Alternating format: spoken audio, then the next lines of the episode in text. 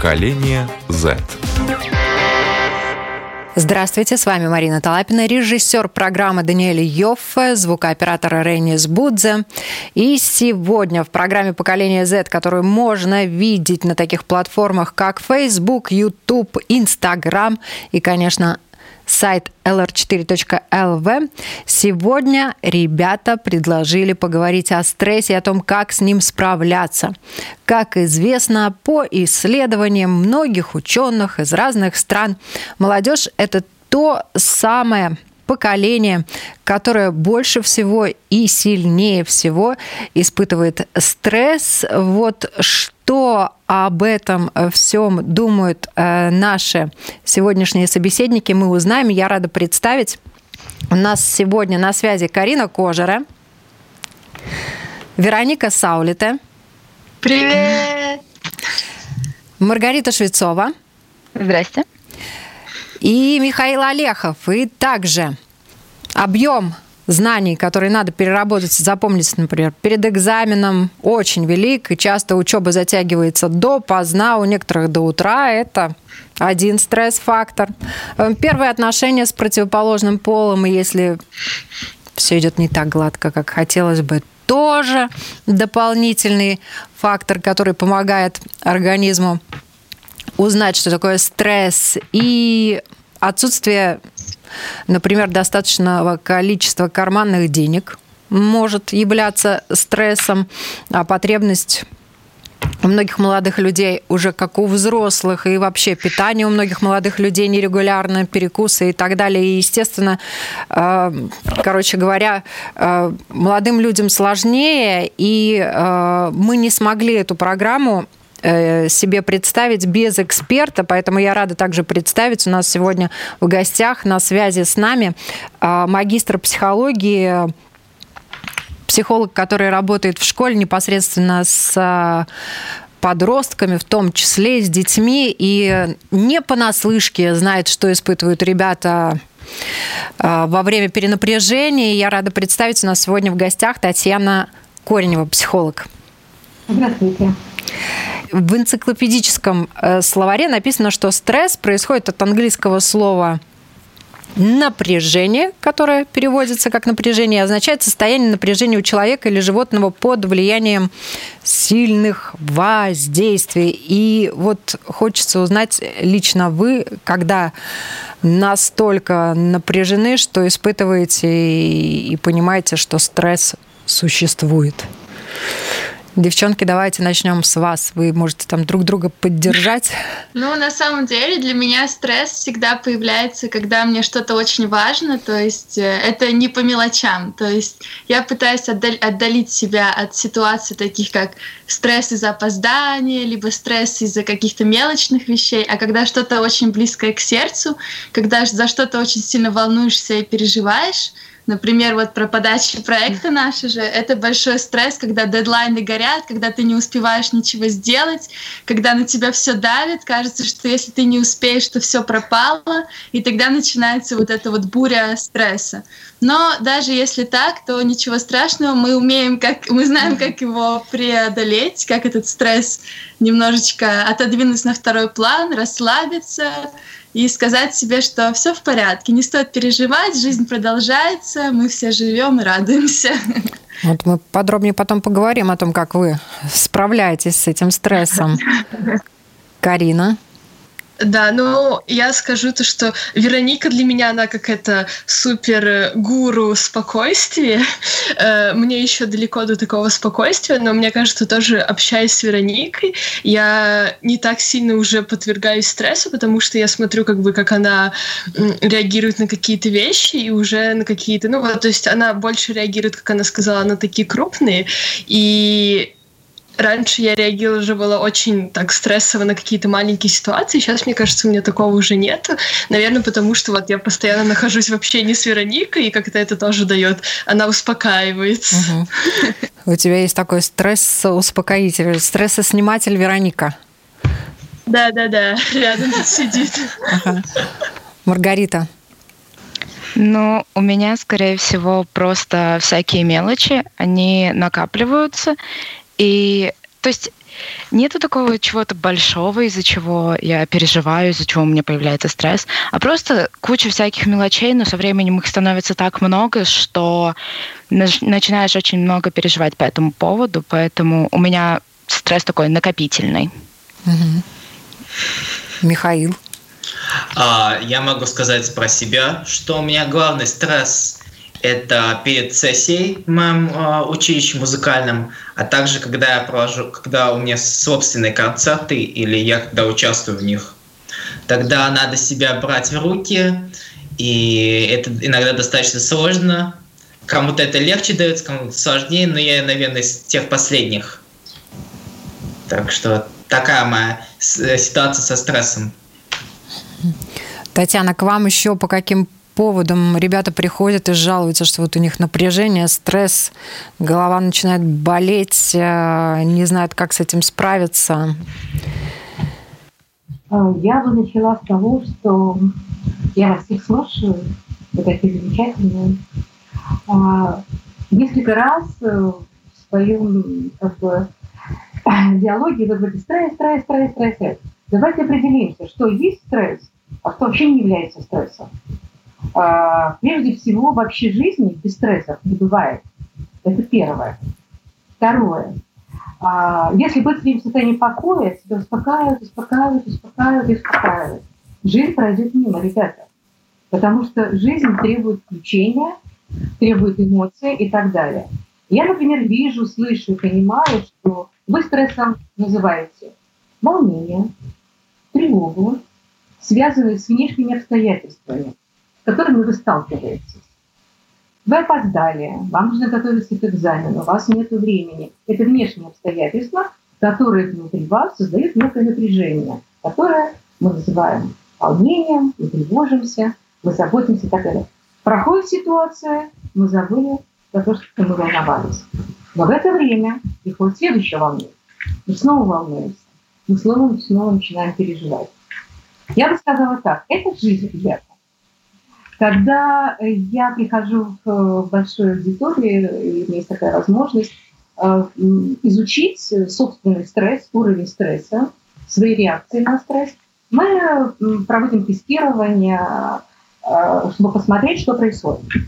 Я должна вам сказать, все, что вы называете стрессом, мы смотрим, что зашкаливающий стресс есть только у тех людей, которые переживают внутренний стресс, связанный с тяжелыми переживаниями психологическими, которые приводят к истощению нервной системы. Вот это, конечно, уже стресс. И тогда мы можем говорить о том, что такому человеку нужна помощь. Психолога, медикаментозная, врачебная, помощь друзей и так далее, и так далее, и так далее. А все остальное – это некий ритм жизни, это высокая степень вашей активности, это высокая степень участия в жизни – и когда говорят, как же наконец не успокоиться и э, перестать нервничать, я всегда отвечаю, это перестать дышать и перестать жить. Ребята, это правда. Но современные какие-то э, средства и так далее, ну просто заполонили интернет, как от него избавиться. Мама дорогая, что с ним делать? Жить, преодолевать и приобретать опыт как только вы получаете опыт некого преодоления, то в следующий раз сталкиваетесь, вы говорите, ха, все хорошо. Без опыта ничего не получится. Вы сдадите экзамен в школе, и следующий экзамен в институте, вы будете их щелкать как орешки. Это правда. Ну, и теперь мы можем очень расслабленно поговорить о том самом стрессе. Стресс действительно, как Ганс Илье его обозначил, это механизм, который помогает нам адаптироваться к тем самым обстоятельствам жизни, помогает ощутить вкус жизни. И вот если так взглянуть на стресс, вам стало приятней, что вы его все-таки испытываете? А как без него прожить? А какой же он классный на самом деле этот стресс, первая влюбленность необходим. В нем много всего, конечно, от того, что утром э, обнимаю весь мир, а к вечеру я жить не хочу. А потом вы снова возвращаетесь и находите ресурсы. Вообще каждый э, человек в жизни э, наделен внутренним ресурсом для преодоления и стрессов, и преодоления а, вообще жизненных ситуаций. Вопрос в том, как часто с этим человек сталкивается, и он не успевает восстановиться и адаптироваться. И тогда мы уже говорим о том, что стресс вреден, и стресс может человека уничтожить. Я бы вот здесь немножко так разделила. Да. Поэтому да. давайте-ка узнаем, а вот э, первая влюбленность, когда у кого во сколько была, когда первый стресс от влюбленности, кто из вас испытал? Я лично в пять лет. Я, я, я наверное, начну. Давай. А, я свой первый стресс, как ни странно, а, именно первая влюбленность у меня настоящая была только в 15 лет. Так что я до этого долго шел. Но у меня все это компенсировалось тем, что стресс может быть разным. И я его, например, испытывал, когда первый раз вышел на по-настоящему крупную сцену, как, например, это было, как я помню, то ли национальная опера наша, то ли Горс, который в Резекне. И вот тогда ты чувствуешь, что жизнь перед глазами проносится, но это непередаваемое ощущение, которое я всем желаю испытать. Так что стресс разный бывает. Я с этим полностью согласен с нашим экспертом. Девчонки, давайте про любовь. Когда что? Когда этот стресс от влюбленности вы испытали, сколько вам было? Где-то 13 лет. Но на самом деле я уже не так хорошо помню все свои ощущения, которые были на тот момент. И я знаю, что те ощущения, они совершенно не похожи на то, что я испытываю, допустим, на данный момент, если э, я чувствую влюбленность. И Поэтому мне кажется, что в первый раз, да, там какая-то буря эмоций, которую просто невозможно остановить, но это проходит. Получается, что организм адаптируется к влюбленности. Мне кажется, он находит просто какие-то новые возможности избежать этого страха, чего-то нового. Потому что если дальше что-то происходит, то как бы ты это уже испытал, ты примерно понимаешь, как это будет ощущаться. Ну, девчонки, вы готовы признаться? Сколько вам было лет? Если, знаете, если брать такой прям возраст, то, наверное, это лет 9. Ну вот 9 и потом 13, я бы так сказала, что, наверное, в 9 это еще немножечко наверное, не совсем такой стресс, а в 13 уже больше, ты уже начинаешь немножко по-другому думать. И тебе уже кажется, ну, не знаю, я просто не могу вспомнить свои именно ощущения, чтобы я прям стрессовала. Я просто помню, когда это было, но вот именно, чтобы это был стресс, я честно не помню такого. У меня, кстати, я вот сейчас вспомнила, что у меня вообще первая вот эта влюбленность, она была в интернете. Я помню, что мне было лет 12 или 13, и тогда у меня был стресс написать сообщение, стресс, о господи, мне ответит или нет, что же сделать, как же быть, вот это я хорошо запомнила, но потом она как-то прошла, это было больше как фанатичный какой-то такой, ну, я не знаю, даже не влюбленность, а больше вот такое, что, пожалуйста, ответьте мне, пожалуйста, что-нибудь сделайте. Ну вот, но потом все как-то прошло, и на следующие разы, да, вот как сказала Маргарита, да, что это все как-то проходит, когда ты уже с опытом, ты уже понимаешь, что уже не надо так волноваться, ничего не будет, все окей, просто отпусти ситуацию и плыви по течению, все будет в порядке. Это называется адаптация к стрессу, да? Да. Адап адаптация к стрессу-влюбленность. Хотите, сейчас я вас обрадую? Давайте.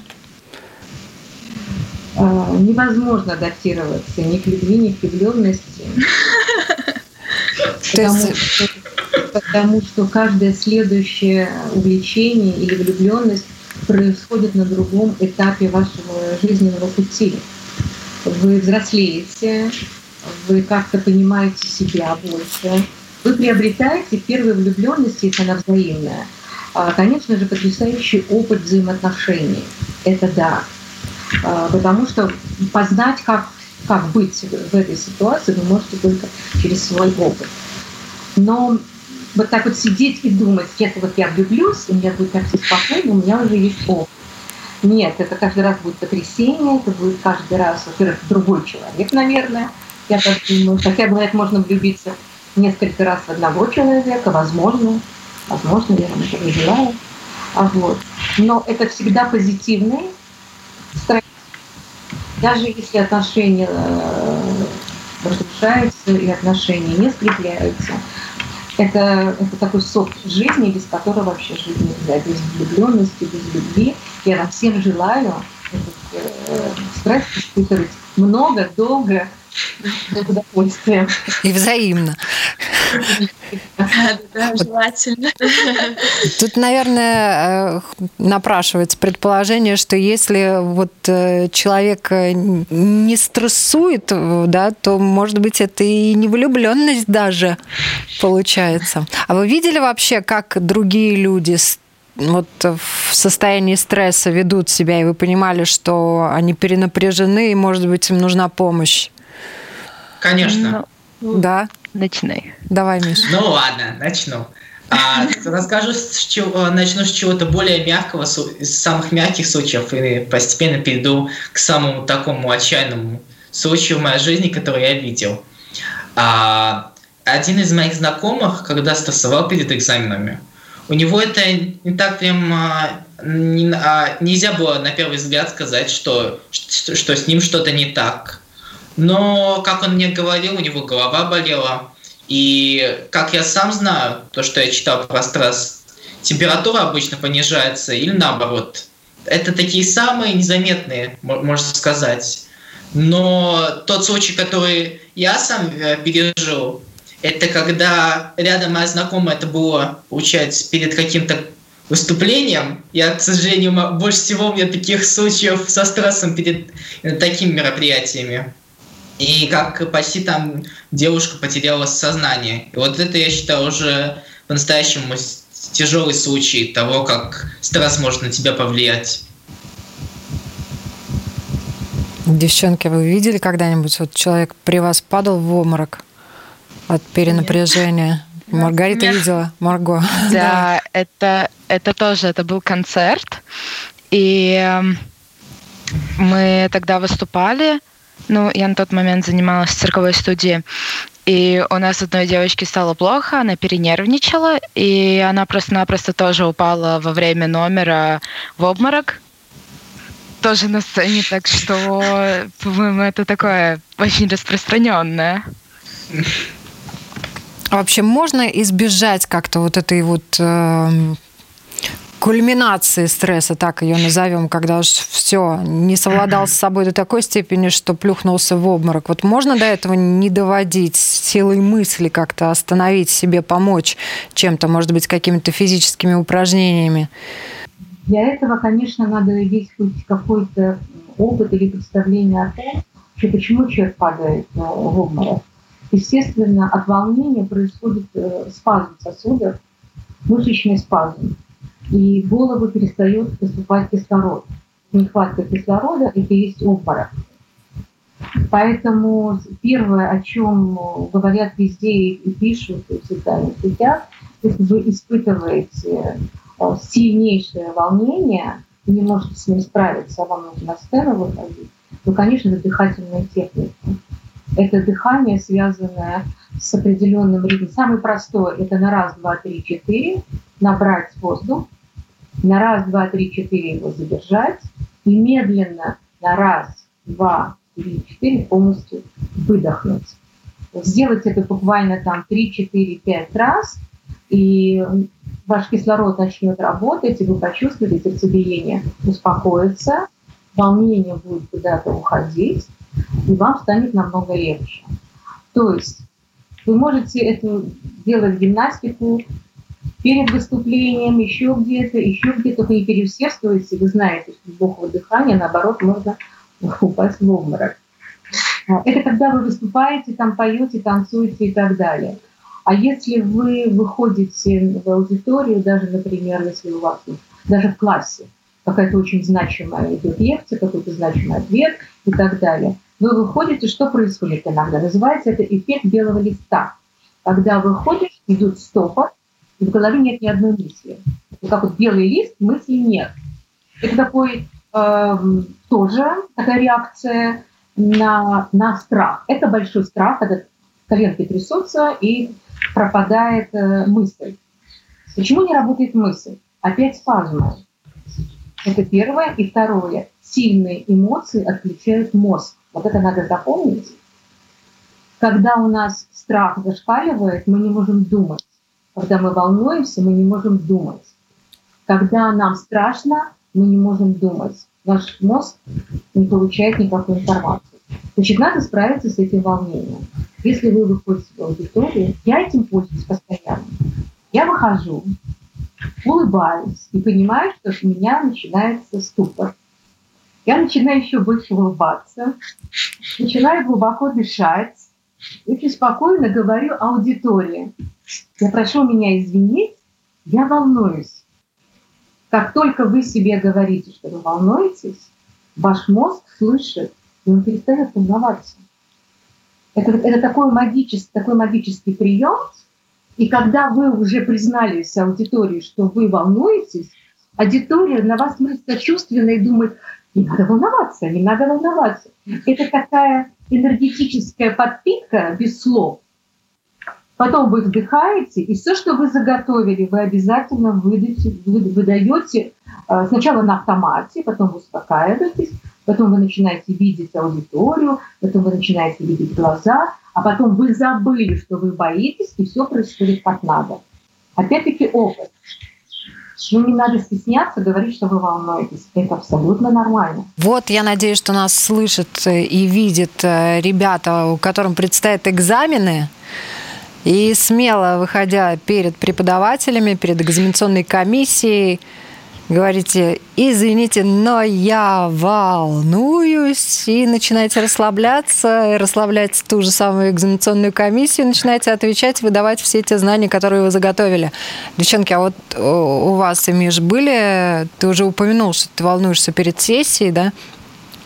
Были такие состояния, когда вы все вот выходили, брали билет, там, я не знаю, или видели тест, но не видели букв?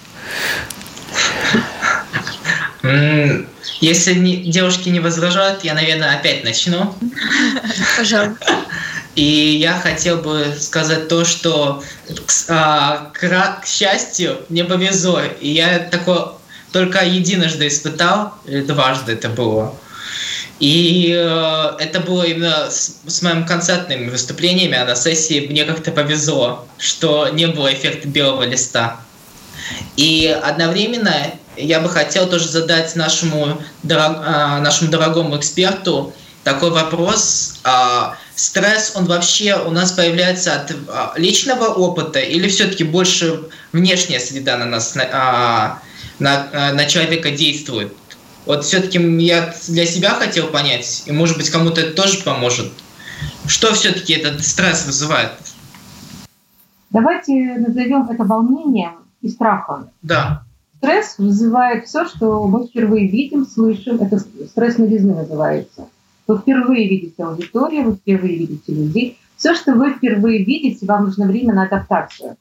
Вы пришли в незнакомую компанию, вы пришли, где много людей, которых вы не знаете – и вам волнительно, потому что включается ваша самооценка, включается ваше волнение, а придусь ли я ко двору, а соответствую ли я этому сообществу, и женщины, как я выгляжу, ах-ах-ах, в том ли я наряде и так далее. Это абсолютно нормально, проходит какое-то время, вы приходите в себя, вы слышите, вы видите, вдруг вас увлекает какая-то беседа, успокаивается э, ваша вся такая внутренняя нервная система, и через какое-то время, 15-20 минут, вы можете уже спокойно общаться. Это происходит всегда. Если адаптация не произошла, то человек просто встанет и уйдет, он не справляется со своим волнением. И тогда мы можем говорить, что человек испытывает очень глубокий личностный стресс, и он не справляется с собой.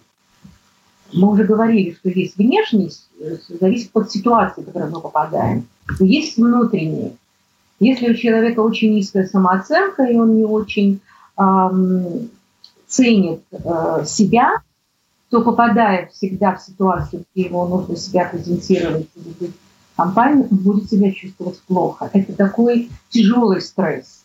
Поэтому, когда приходят подростки, и мы начинаем разбираться, что является стрессом и что не является стрессом, то чаще всего это, конечно, стресс, связанный э, с пониманием самого себя, э, с пониманием своих внутренних страхов, своих внутренних ожиданий, которые бывают неоправданно и так далее. И если так потихонечку-потихонечку в этом немножко себя образовать, дать возможность себе понять, как это происходит, уже знание об этом, о себе, в разы снижает стресс. Всем советую, читайте литературу, которая а, отвечает вашей потребности.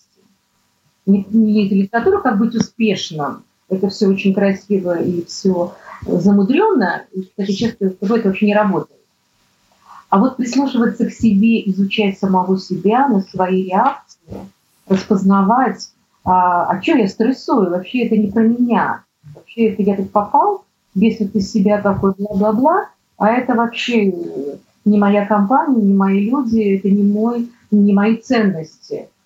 А стресс можно получить от того, что ты не соответствуешь другим ожиданиям. Я об этом могу, могу говорить долго. Получается, что а, если это зависит от нашей э, внутренней самооценки, да, от нашего внутреннего такого вот стержня, а, который нам помогают э, строить э, наши родители, наши близкие, то вопрос, э,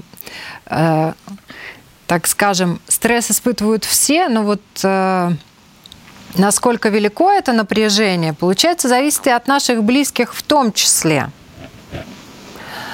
Как ваши близкие вам помогают справляться со стрессом? Как они готовят вас к вот этим э, ситуациям, которые заведомо э, понятно, что напряжение будет перед экзаменами? Э, моя мама покупала мне шоколадку. Обязательно. И говорит, так, съешь, мозг начнет работать, мысль пойдет, у тебя все получится.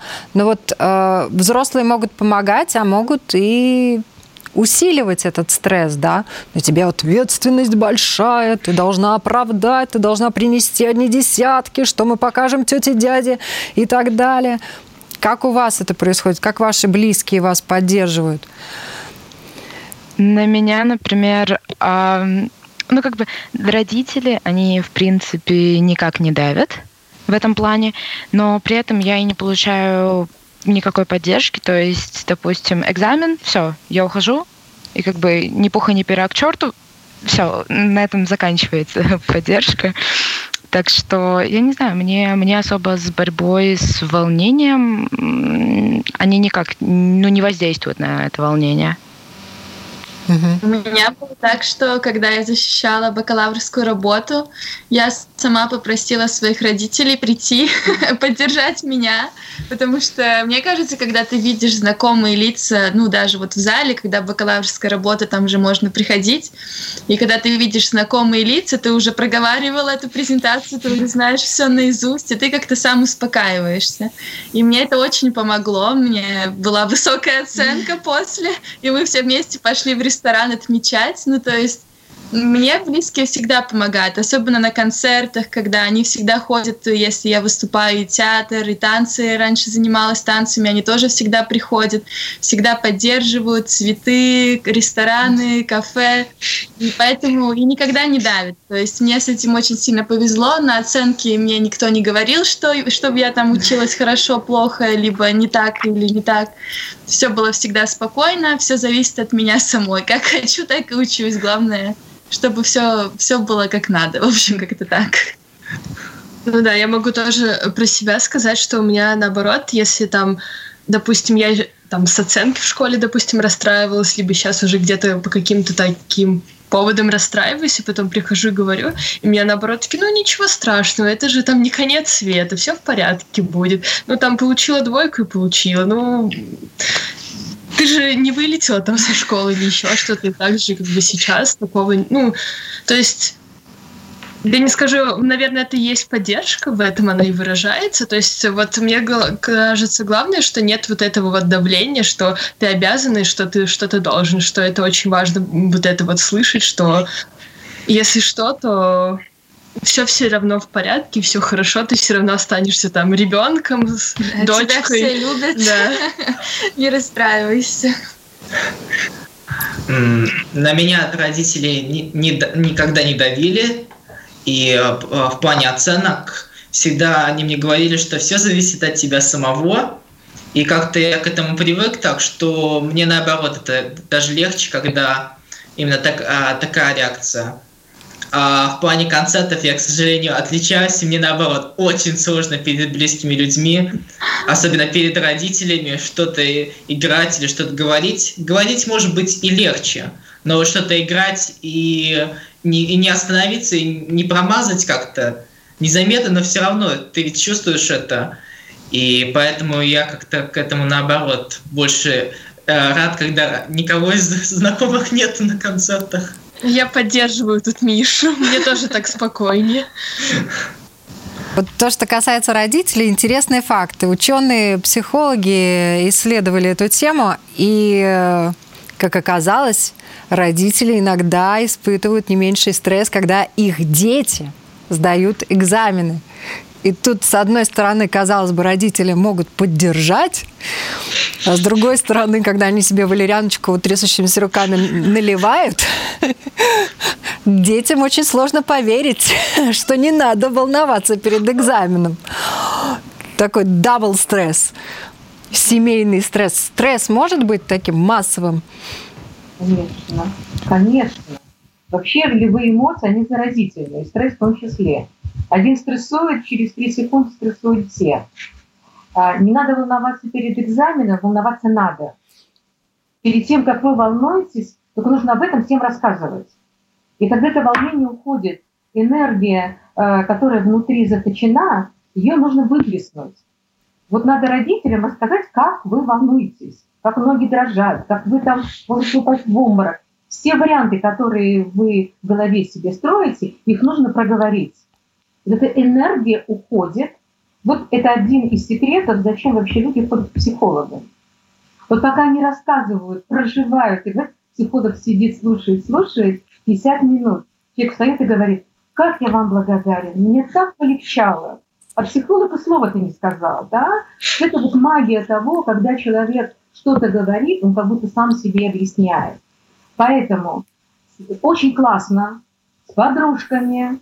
Родителей надо оставить, так сказать, в их невидении. Пусть они сильно не волнуются, они уже пожилые бывают иногда, сердце хватает, валерьяночку пьют. А вот с подругами и с друзьями надо проговаривать. У меня правая коленка дрожит, у меня там ухо, я весь вспотел, я там та-та-та. Есть такая техника, она очень классно работает. Я иногда, когда иду эм, по, по аудитории и вижу, там сидит несколько человек, которым нужно войти в аудиторию, у них у всех квадратные глаза. Я говорю, так, все встали, приняли позу, такую как обезьянью, и сейчас начинаем все вместе бояться, как в том мультике, помните? Давай будем, что там, вместе, э, этот котенок приходит э, к щенку. Я говорю, давай вместе будем бояться, они грозы боялись. Я говорю, сейчас мы все вместе будем дрожать. Вот просто физически я им показываю, что нужно так, чтобы все части тела вот вибрировали, вплоть до голоса. Минута, две, во-первых, это вызывает сразу смех, потом это как будто вот груз какой-то пропал, и в это время выходит, говорят, там, Сидоров, Петров, заходите, и Сидоров, Петров заходит с улыбкой. Это работает, это правда работает. Волнуйтесь, волнуйтесь, и об этом говорите, рассказывайте. Я не знаю, там волосы на себе, конечно, драть не надо, но вот это вот состояние вот физическое, что-то со своим телом сделать, а на самом деле действительно подражать. Вы войдете в аудиторию, вас сразу заработает мозг. Это проверено. Вот у меня есть вопрос. Я не знаю, как это именно шоковая реакция, наверное, больше. Допустим, у меня, когда я э, на что-то не знаю, как реагировать, я начинаю смеяться. Даже я не знаю, там кто-то может ногу сломать, у кого-то кровь там течет, а я начинаю смеяться, и я не могу себя остановить. То есть, и мне от этого становится очень неудобно, потому что ты не можешь даже начать людям объяснять то, что я не смеюсь, потому что тебе больно, я смеюсь, потому что я так ре... это моя реакция. Но мне от этого так неудобно, и вот я не знаю, это можно как-то побороть, может быть. Зачем бороться? Это, во-первых, потрясающая реакция организма, она бессознательная. Хорошо, Карин. От страха люди начинают смеяться. Вот мой опыт, когда мы в каких-то аудиториях говорим о очень страшных э, человеческих судьбах, трагедиях и прочее, мы как дурачки все сидим и улыбаемся. Это защитная а, реакция организма на то, что мы испытываем. Потом проходит какое-то время, и мы приходим в себя. Это нормально. И не надо стесняться человеческих проявлений, которые идут естественным, натуральным способом. Вы можете смеяться, а потом сказать, ох, я как дурочка смеюсь, конечно, на самом деле так волнуюсь. Вы одновременно, вы одновременно расслабляетесь и там, и тут, двухопостать. Все будет нормально. Не надо избавляться от этого. Надо э, сказать спасибо своему организму. А представляете, если вы будете в шоке, так, Ах, у меня шок, я пойду приходить в себя. Да? А вы, а у вас э, красивая реакция со смехом. Здорово. Хорошо, спасибо. У меня, например, такая ситуация, что, как я уже ранее сказала, у меня накопительная, и у меня вот всякое волнение, все, что происходит, у меня накапливается, но я это не выпускаю обычно. И каждые, ну, где-то 3-4 месяца э, мне приходится э, пить таблетки, потому что у меня начинается приступ. Ну, я ходила к врачу, и у меня начинается приступ, и во время этого приступа я просто не могу дышать, э, меня начинает трясти, и просто-напросто я не могу его остановить, в принципе, никак, если я не использую медикаменты. Это панические ну, атаки, правильно я понимаю? У меня это э, соматические трауцеймы, но это как бы как э, что-то из варианта тревожность. Это вегетативная я... буря называется еще. Как? Вегетативная буря. Да, вот. Пляж, когда вся вегетативная нервная система выходит из строя. Да, и как бы начинает э, болеть в груди, да и в принципе становится вообще просто невозможно стоять на ногах, и поэтому возможно ли с этим как-то бороться, кроме как э, используя медикаменты? Мне не нравится слово бороться. Бороться ни с кем не надо. Это научиться себе помогать. Мне хочется спросить, а в связи с чем такое накопление? У меня, в принципе, накапливается все. Если это что-то связанное со школой, у меня это накапливается. Что-то в личной жизни у меня накапливается. Ну и просто различные стрессы у меня накапливаются, один на другое ложится, и в один момент становится всего слишком много, и это все выплескивается. Ну да, это такой эффект э, полного стакана. Твой стакан, когда стрессики тра-та-та, тра-та-та, а потом последняя капля, и весь этот накопившийся стресс выливается. Но можно же, первая порция поступила, а, можно ее выплеснуть.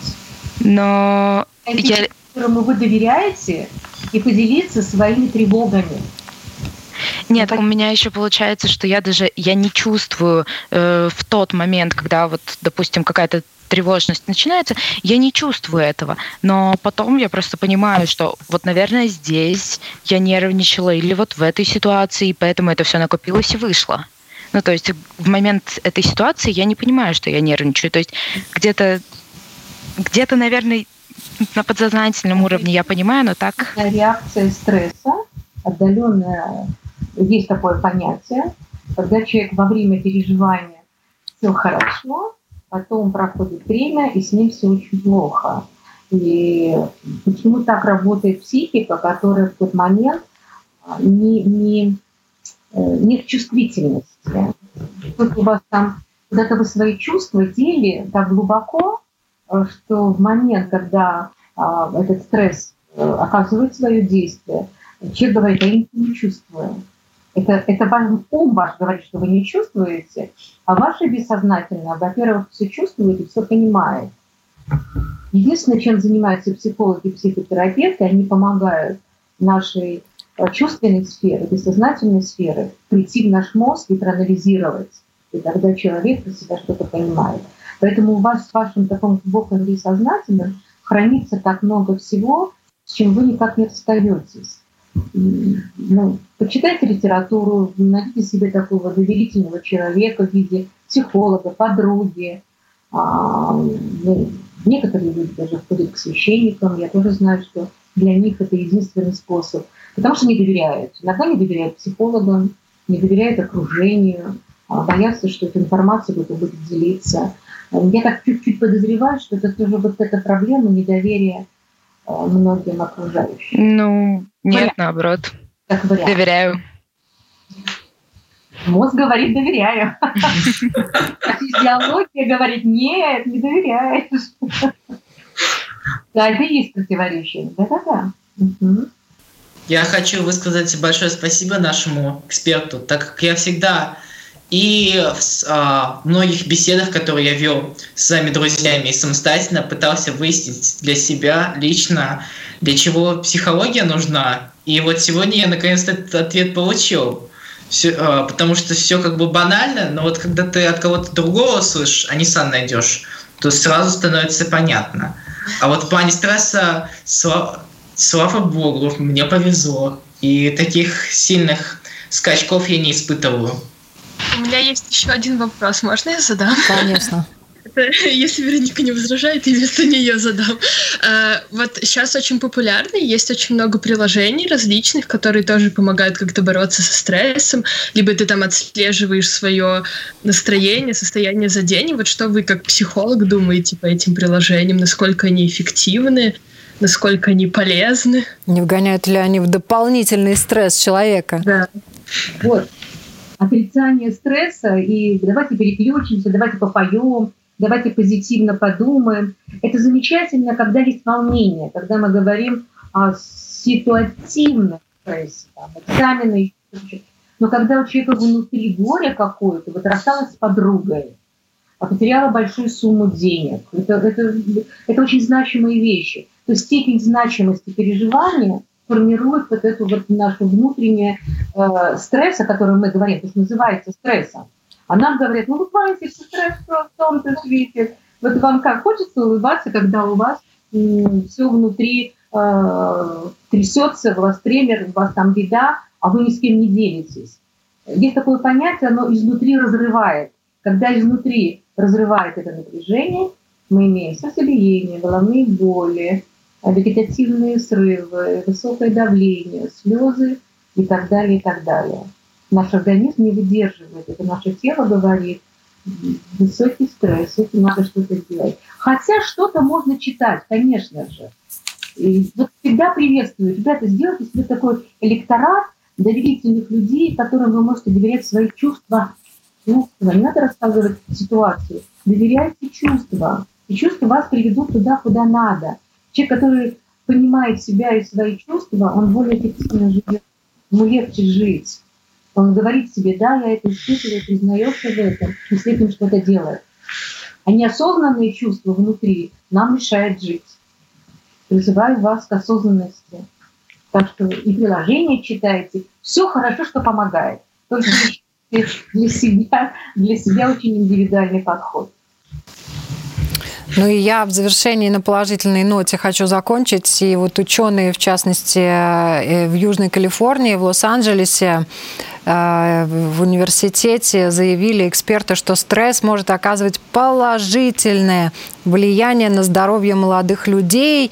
И ученые даже объяснили, почему так происходит. В рамках исследования проанализировали уровень содержания гормона стресса кортизола в различных для человека условиях и в качестве участников испытания выступили подростки, которые живут в разных условиях, имеют разный уровень здоровья. И выяснилось, что те испытуемые, которые испытывали сильнейший стресс, были намного крепче в физическом плане, а также реже болели. Так что нормальный, здоровый стресс, да будет он с нами. Не отрицайте его, любите, стрессуйте. Я напоминаю, сегодня с нами а, в беседе о стрессе участвовали Карина Кожера, Вероника Саулета, Маргарита Швецова, Михаил Олехов и наш замечательный эксперт, психолог Татьяна Коренева. Всем большое спасибо и хорошего дня!